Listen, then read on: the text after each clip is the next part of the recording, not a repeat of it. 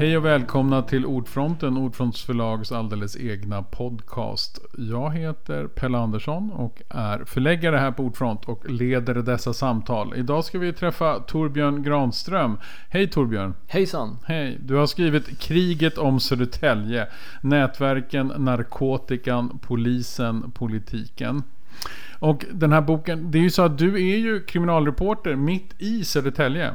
Och var, varför tyckte du att det var viktigt att skriva en bok om det här? Alltså vad är det man inte får fram i den dagliga rapporteringen?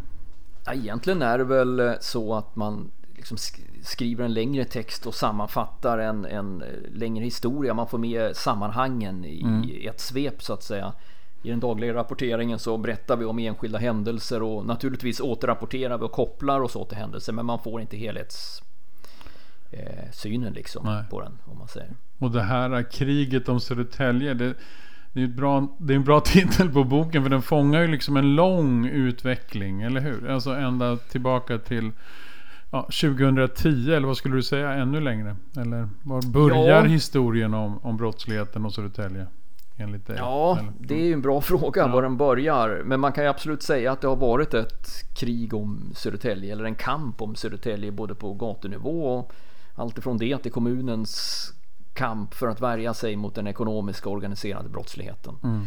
Och egentligen så är det väl så med den här boken att jag försöker väl egentligen framförallt fylla luckan som är vad ska vi säga de senare åren från eh, vad ska vi säga Encrochat-tiden fram... Och när börjar den då? Encrochat-tiden? Ja, Encrochat-tiden den börjar egentligen när den blir publik så är det ju våren 2020, sommaren 2020 mm. när fransk polis knäcker Encrochat och svensk polis får tillgång till det här materialet och senare så får även alla reportrar tillgång till materialet och det ger ju en unik inblick i liksom hur de här gängen kommunicerar med varandra på ett mm. personligt plan som man inte liksom eh, har annars. Som inte mm. haft, vi har inte mm. haft den insynen, gedigna insynen liksom i deras kommunikation. Så det, det, har ju skrivits tidigare om Södertälje om olika mord och brott och sådär. Ja, jag återblickar liksom till det också bara för att få som en bakgrund och så.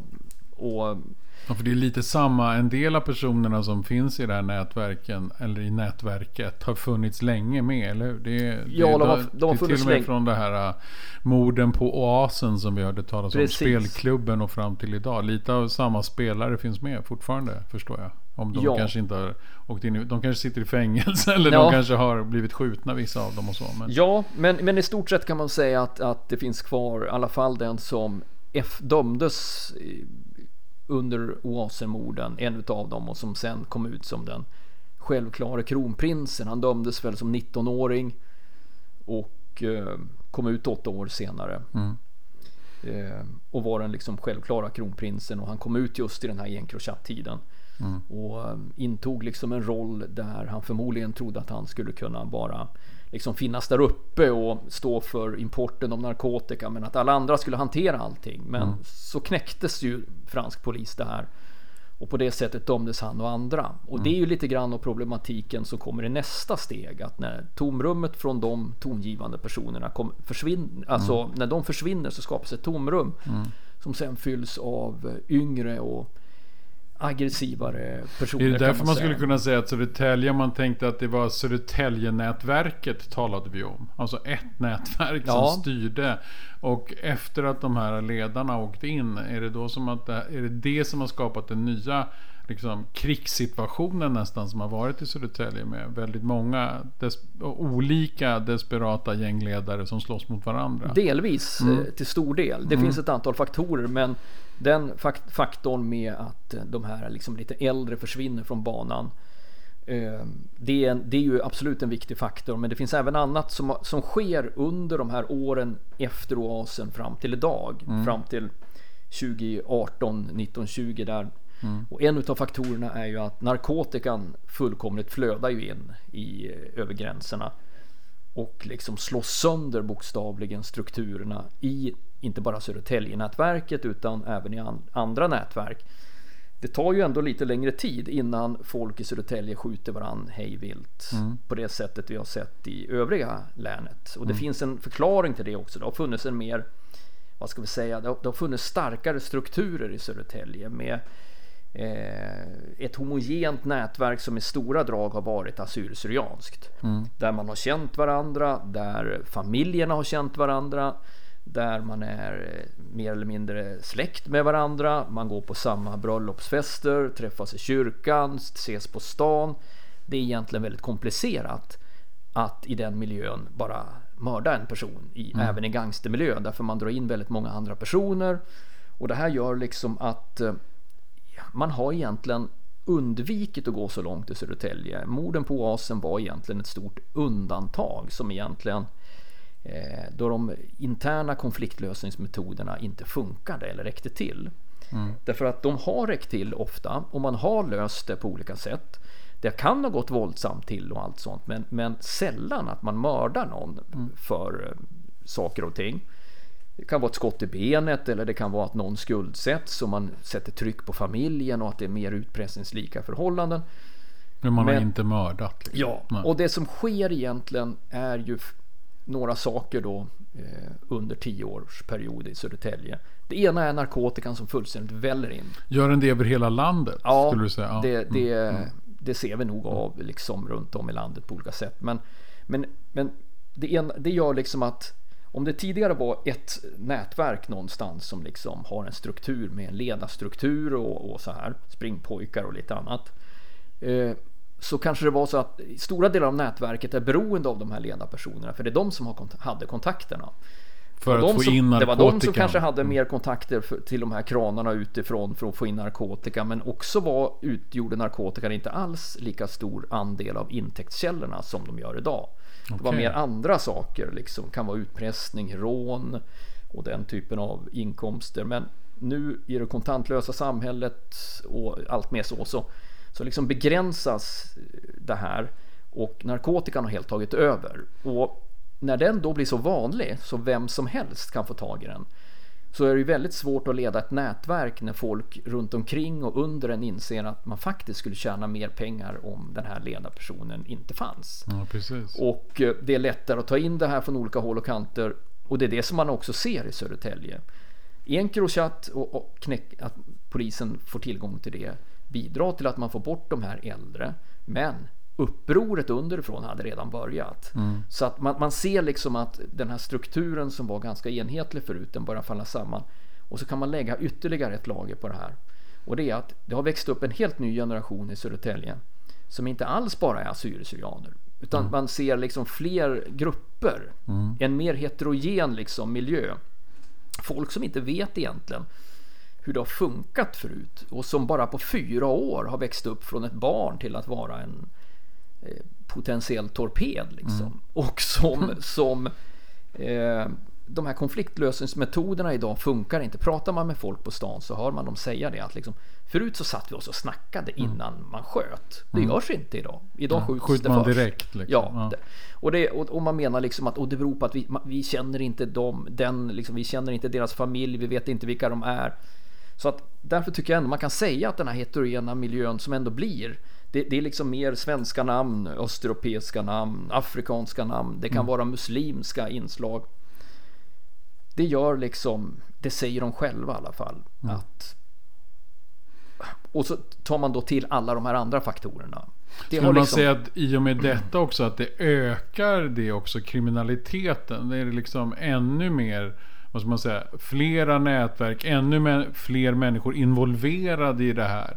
Blir det också då svårare för polisen att bekämpa det än om det var ett mera homogent nät, nätverk som det var tidigare? Egentligen tvärtom. Ja. Polisen, eh, genom att de här personerna, ofta unga, i mm. konsekvenstänket inte på topp och eh, man skjuter först och frågar sen och kanske också på uppstuds mm. gör att man begår mer misstag. Mm. Och man blottar sig på det sättet för polisen. Eh, det, det förra, liksom, det klassiska Södertälje-nätverket var ju väldigt slutet. Liksom. Mm. Och eh, tystnadskulturen var ju kompakt. Det är den ju fortfarande i alla kriminella miljöer förvisso, men man gör fler misstag. Eh, Vilket öppnar för polisens arbete ja, på något men sätt. det är ändå ja. svårt för mm. polisen att sätta mm. dit dem. Mm. Och det beror på andra faktorer som att vi har en rättegångsbalk som innebär att man har rätt att sitta tyst under förhör och sen tar utredningen ett år. Och så sitter man och säger inga kommentarer och sen har man en skicklig advokat dessutom. Och sen när man får se förundersökningen så ser man på vilka, vilka indicier som finns mot att jag har gjort det här. Och var är där jag är överbevisad, där erkänner jag och eh, kan eller ger en alternativ förklaring. Sen åker man slalom mellan de här indicieportarna mm. så att säga.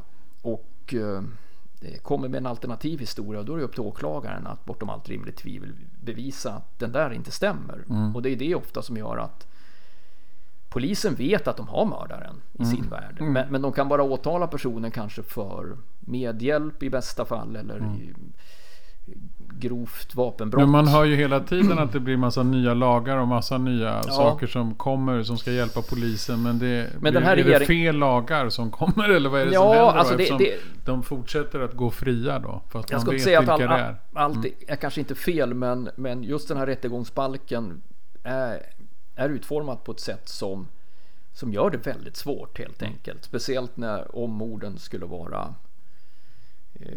alltså det, det, kan ju vara så att folk har ju gripits när, nära mordplatser, man har hittat vapen till och med med mm. DNA, men mm. det räcker inte liksom för att mm. fälla någon utan utan det finns andra förklaringar till att det där vapnet kanske hade ens persons DNA. Man kanske hade fingrat på det där vapnet i något annat sammanhang säger man eller något mm. sånt. Men mm. läser man sådana utredningar kan man slås av vad det som krävs är ibland Väldigt, väldigt Nästan mycket. att man ska filma det hela och personen ska vara omaskerad. Men, och det händer sällan. ja, det händer ganska sällan.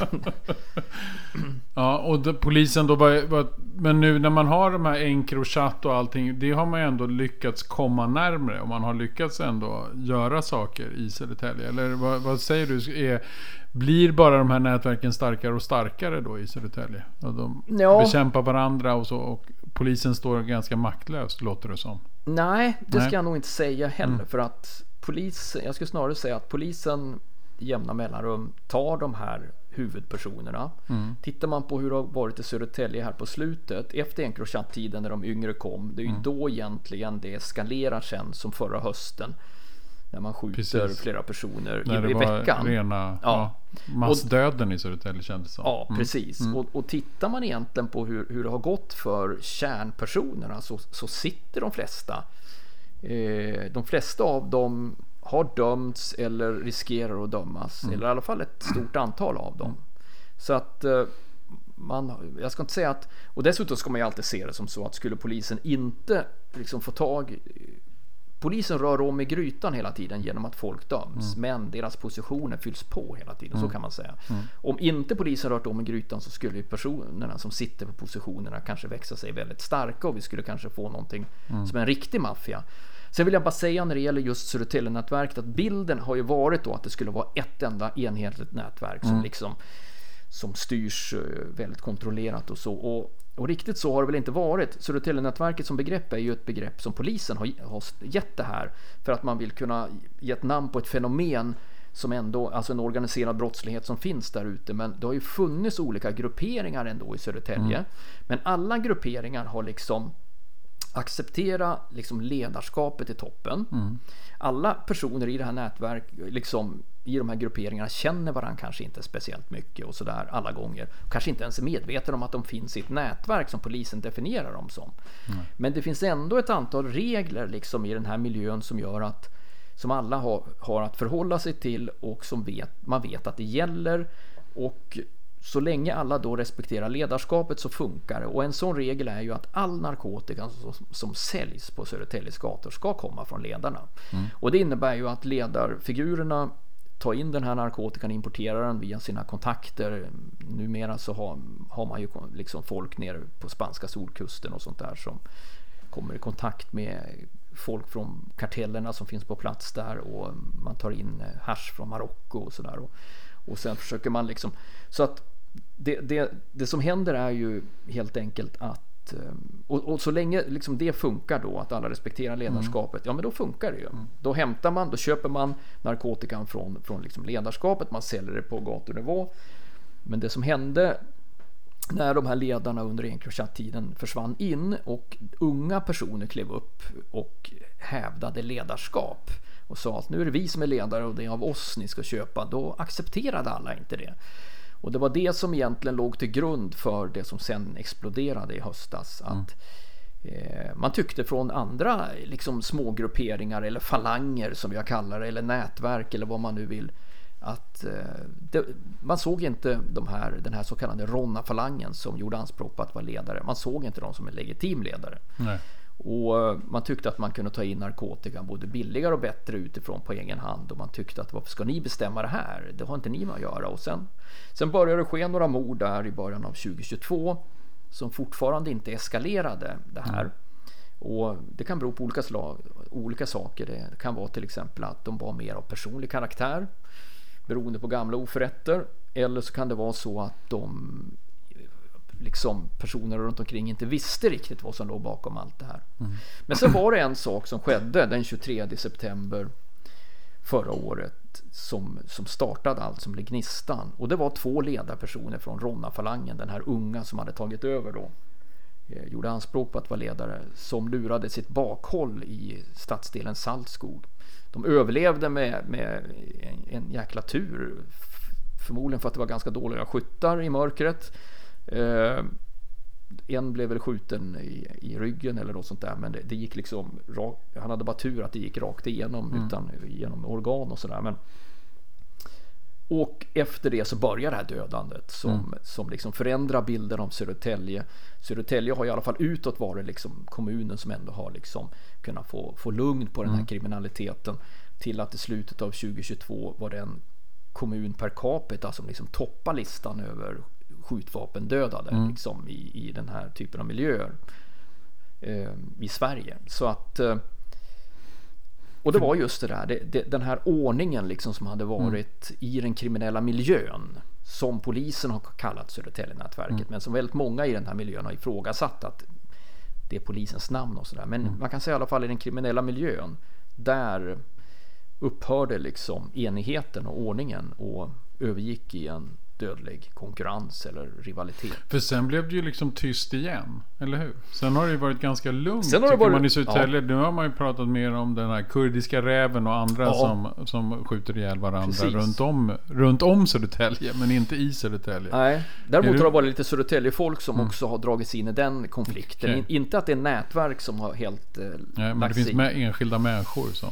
Ja, mm. och där har man ju sett att en, liksom nästa utveckling, nu är ju liksom Encrochat och sådär, det är ju liksom passé. Nästa grej är ju att nu anlitas ju och rekryteras ju folk på vanliga appar som mm. finns i vanliga telefoner. Liksom.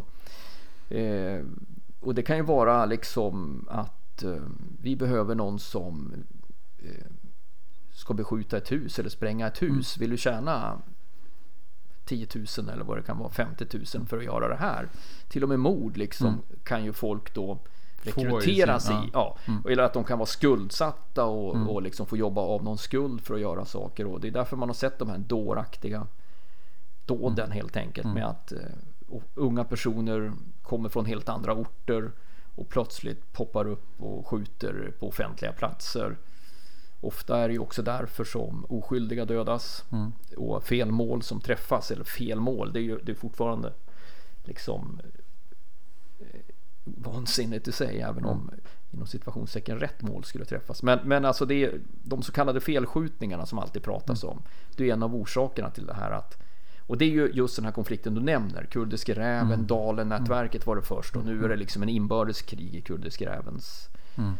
Men vi har ju sett sådana inslag i Södertälje också mm. med sprängningar som har med den konflikten att göra. Men den, den svävar fortfarande lite över eller vid sidan om mm. den här falangkonflikten. Mm. Men det har blivit lugnare som du sa. Det mm. har blivit tillfälligt lugnare igen och det finns faktiskt tecken som tyder på att man har satt sig ner, i alla fall delar av de här grupperingarna eller falangerna som de har kallats och pratat med varandra, vilket tyder på att det bland vissa kan ha blivit lugnare tillfälligt Mm.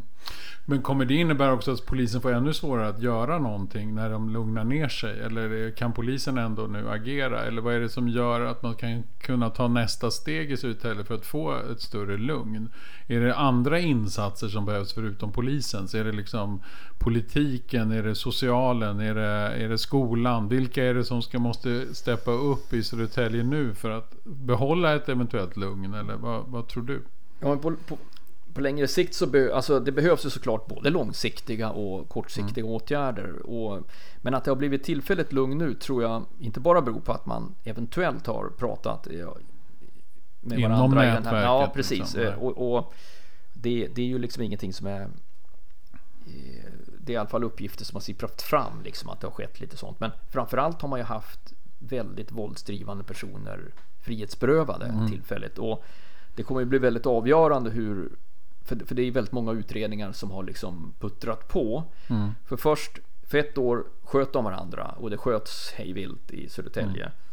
Sen kommer ju alla gripanden och nu kommer åtalen mm. och då återstår att se hur om de, de kommer ut, ut igen. Ja, för man för ser tydligt i deras egna chattar att hatet växer ju när de ser att fiender släpps som inte döms. Mm då, då ser man ju, då pratas det ju öppet om att, att man ska ta den ena och den andra och mm. den ska eh, skjutas. Och, och, så att jag skulle säga att innan man kan säga någonting om det har fått någon effekt, då ska man nog vänta ut de här processerna och se. Och när kommer de här åtalen nu? Är de nu under hösten som det kommer ja. att hända? Att de kanske kommer ut igen? Uh, ja, det har kommit något redan mm. och det man kan säga att av de här morden som var så några mord är ganska kalla på åtalssidan. Alltså mm. förmodligen kommer man inte lösa dem. Men på vissa andra har det ju, har det ju kommit åtal. Och det första åtalet, det var ju ganska, det var en händelse som var rätt uppmärksammad när man på riksnyheterna såg ett, ett MC-ekipage i svart kom ju in åkandes i ett område i Södertälje vid Saltskog. Den 6 oktober var det, tror jag. Förra året. Förra året och sköt liksom. Och två stycken träffades ju ganska rejält och en dog av avled. Eh, det var ju liksom Ronna-falangen som var där och sköt eh, mot den här så kallade Saltskog-falangen då. Eh, där har det väckts åtal, men där har båda friats. Det kommer förvisso, det har överklagats, så det är liksom hovrätt som också gäller där. Så det är ju ett litet bakslag i just det fallet för polisen då, om man säger så, eller för, mm. för de som har varit involverade. Och, eh, men nyligen så kom åtalet i den kanske mest uppmärksammade fallet och det var ju en 41-årig man som eh, dog i en så kallad felskjutning. Han var ute och gick eh, bara längs Enhörnaleden in till Ronnaskolan i Södertälje och det var ju fullt av poliser och polispatruller ute just mm. för att dagen innan hade en person mördats mm. och våldseskaleringen hade börjat där liksom. Eh, och det satt redan fyra unga personer för det mordet från Ronna-falangen. Men eh, trots att det är massa patruller ute mm. och trots att de är alldeles nära den här platsen så dyker det upp en person på en elcykel och öppnar automateld eh, helt orädd över dessa polisers närvaro liksom och skjuter ihjäl den här 41-årige mannen då som man förväxlar med någon som på avstånd i alla fall ser ut som någon som man tror att han vill åt i den här. Och det, där växt, väcktes ju åtal nu mot, eh, nu ska vi se här, var det 12-13 personer alltså eller okay. något, något, liknande mm. sånt där. Och det, dels då den misstänkte mördaren som mm. man grep efter fem dagar eller något sånt där. Och sen ett, två stycken tror jag för medhjälp till mord. Och sen eh, ett antal för eh, eh ja, alltifrån mm. skyddande av brottsling till Olika eh, underlåtenhet. Att, ja, men precis, precis. sådana där saker. Va? Ja. Men hur skulle du säga att man har lyckats med den övriga brottsligheten i Södertälje? För det här, är ju, det här är ju på gatunivå och ganska våldsamt och det är liksom uppgörelser. Men det som också är väl, är väl att man har problem med ekonomisk brottslighet och tvätta pengar och att man liksom att de här brottspengarna hamnar i annat som förut var legitim verksamhet? Eller? Ja, och, där... och hur, hur bekämpar man det då? Ja, det bekämpar det man genom myndighets... Ja, det, till exempel kommunen kommunen har ju kämpat emot det ganska länge och man har ju fördjupat samarbetet med polisen eh, kring det arbetet kan man säga. Eh, man har ju försökt på olika sätt. Eh, man har ju försökt med sådana här, vad heter de? Bakgrundskontroller och sånt där. Det, det är förvisso ingenting jag nämner. Nej. För det är väl ganska nytt det här med att de fick bakslag på det här med bakgrundskontrollerna. Men det är ju ett exempel på hur kommunen försöker komma åt att kriminella inte ska komma in i organisationen och sådär. Men framförallt är det ju det att man har haft en väldigt, vad ska vi säga, Eh, man, har skruvat upp kontrollerna när det gäller liksom markupplåtelse och när det gäller eller markförsäljning, kommunens mm. markförsäljning och fastigheter och sådär. Och bygglov och sånt Och bygglov mm. och så mm. har det varit en del rabalder och skandaler kring eh, genom åren i Södertälje. Och... Är det så att det blir mer och mer av den typen nu som man försöker tvätta pengar? För det var ju också välfärdsbrottslighet och sådär mm. med massa... Eh, liksom, jo. Det, ja, hur, Vi har ju är det kvar? Ja. Ja, men vi har ju mm. exempel i Södertälje där kommunen har gått in och köpt en fastighet för avsevärda belopp med kommunala pengar och det är inte så där jättevanligt att man gör det. Men det är ju för att förhindra då att brottslingar ska köpa. Ja, eller, eller, eller tror det är brottsliga ja, pengar. Ja, ja, man säger inte brottslingar rakt av kanske, men, men, men, man sa, om jag minns, sa Bullgodner i stil med någonting att vi vill förhindra penningtvätt och ja, något i den stilen. Och Eh, dessutom så de som liksom ville köpa den här centralt belägna byggnaden där för övrigt Oktoberteatern ligger mm. i Södertälje nere vid Maren. Liksom en, det, det, var liksom personer som uppenbarligen kommunen inte hade så stor tilltro till. Det var, och man befarade eh, man uttalade sig så som man skulle kunna tro att kommunen ville försöka liksom undvika något slags brottsligt eh, mm. upplägg. Med, och det, den typen av upplägg är ju inte unika, men att om någon köper så vet man egentligen inte alltid var pengarna kommer ifrån. Det kan också vara väldigt många andra intressenter som, mm. som liksom ligger bakom. Och hur tätt är de här sakerna kopplade till varandra? Hur tätt är det mellan liksom de här äh, gatubrottsligheten och narkotikapengarna och sen hur de liksom tvättas? Hänger de här ihop? Känner de här varandra? Är det liksom fastighetsspekulanter, hur kommer de över då i sånt fall de här narkotikapengarna? Eller hur tvättas det? Hur vet man hur, det, hur nära är de här legitima ja. företagen med de ja, brottsliga företagen? Det är väl det som egentligen polisen undrar också när man frågar om så här liksom. Men, men, eh, det finns ju exempel på att man tror att, att eh, narkotikapengar har tvättats på det sättet genom mm. åren i, i Södertälje helt klart och så. Eh, sen, sen, vet man, sen är det ju så här att det, kan, det är ju inte så att att, att det kanske är jättevanligt förekommande. Många av de här vad ska vi säga, byggherrarna, fastighetsägarna kan ju ha gjort pengar på annat sätt som mm. man vill tvätta som också kan Ja, det kan, kan också, också vara svarta pengar. pengar ja, precis. Ja, men, men, eh, men, när det gäller... Jag har ju pratat med personer som säger sig ha suttit och lyssnat när man har planerat liksom, tvätt även av Eh, narkotikapengar. De som har dragit in väldigt mycket som liksom ligger på den nivån. De eh, måste nog på något sätt fundera på hur de ska tvätta pengarna för att mm. liksom kunna eh, säkra liksom sin eh, liksom framtid om de mm. tänker så. Liksom. Mm. Så på något sätt måste de ju och, och fastighetsbranschen och, är ju ett sätt. Det, det, finns ju exempel och det, det här rör inte knarkpengar men det finns exempel på när man i alla fall har köpt fastigheter bevisligen med hjälp av en frontfigur och sen finns det massa andra personer bakom.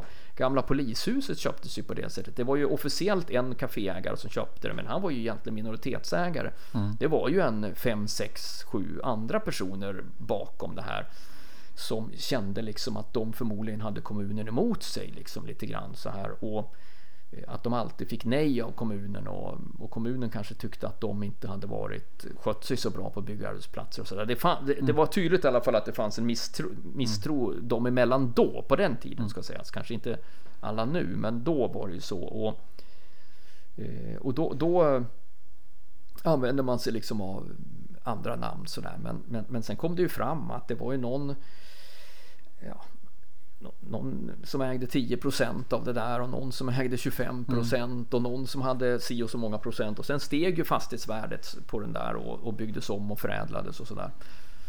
Och man, man, är, man är besvärad i liksom Södertälje och myndigheterna över att det finns vad man tycker är oseriösa fastighetsägare. Mm.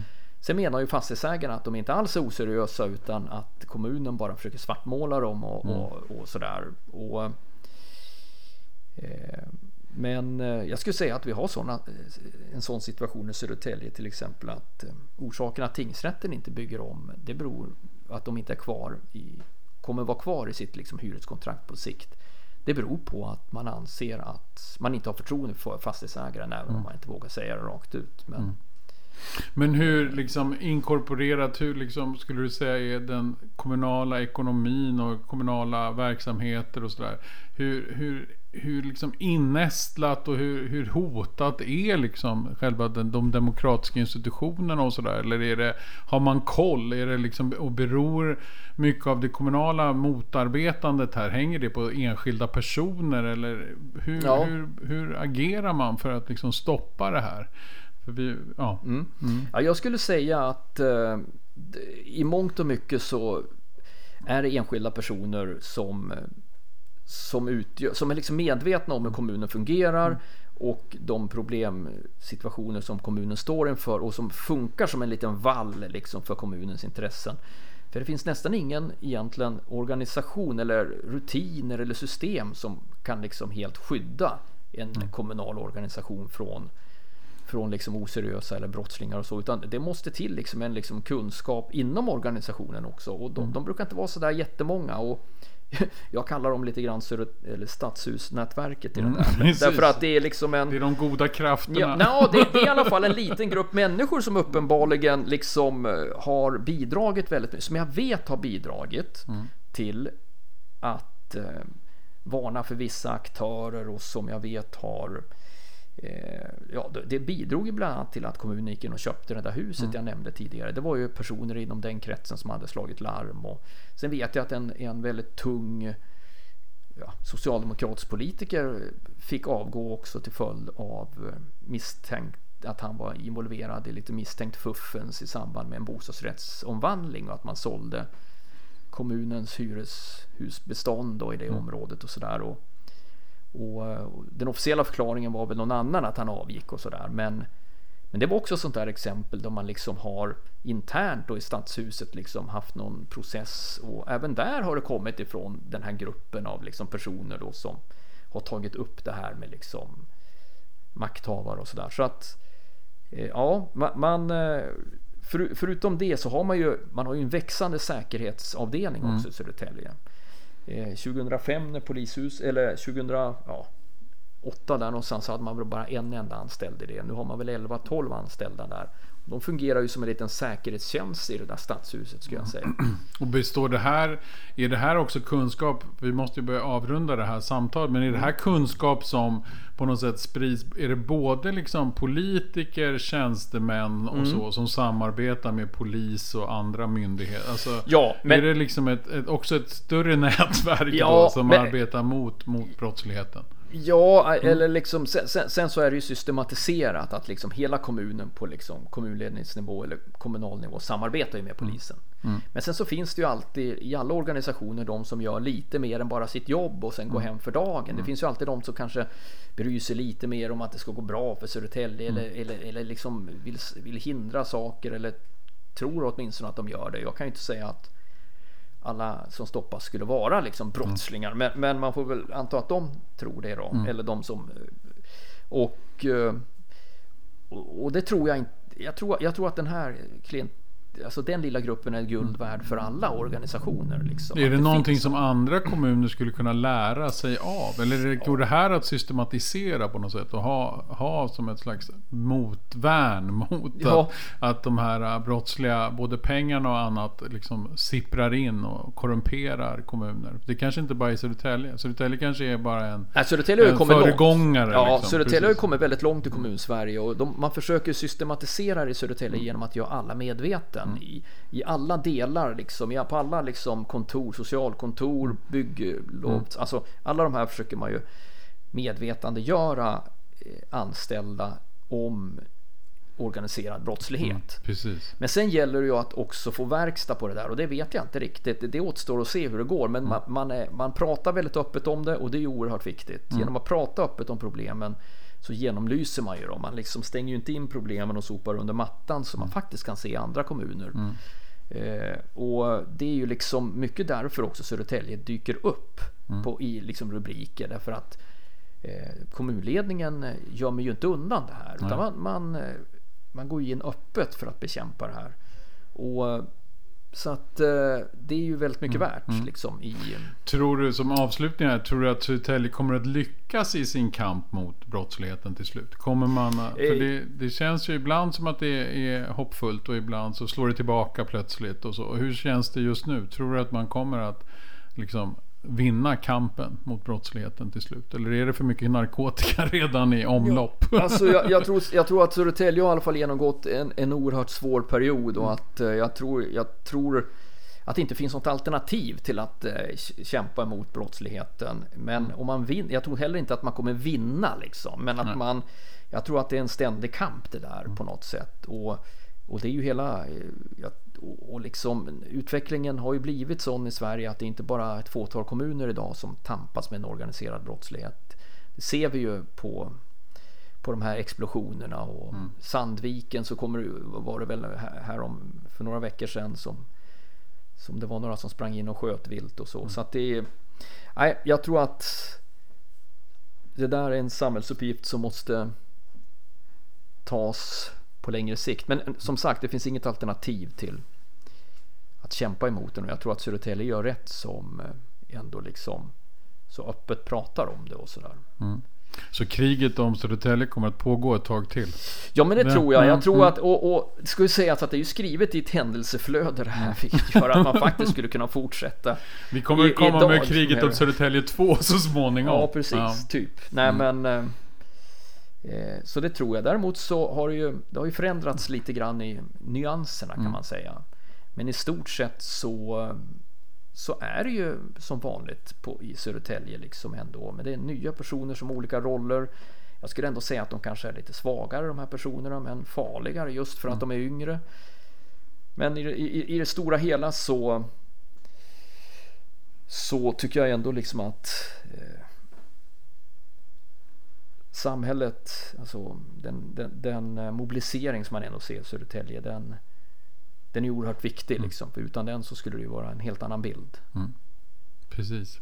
Tack så hemskt mycket Torbjörn Granström för att du kom hit till Ordfronten och pratade om din bok Kriget om Södertälje och lite mer kring också vad, hur man kan bekämpa och hur Södertälje faktiskt har bekämpat. Det finns ju väldigt mycket i din bok som förklarar och visar på också att det inte bara är polisen och de hårdare tagen som, som har bekämpat brottsligheten. Tack så hemskt mycket Torbjörn för att du kom. Tackar, tackar. Tack. Och det var allt för Ordfronten för den här gången och vi återkommer med nya avsnitt så småningom. Ha det så bra. Hej då.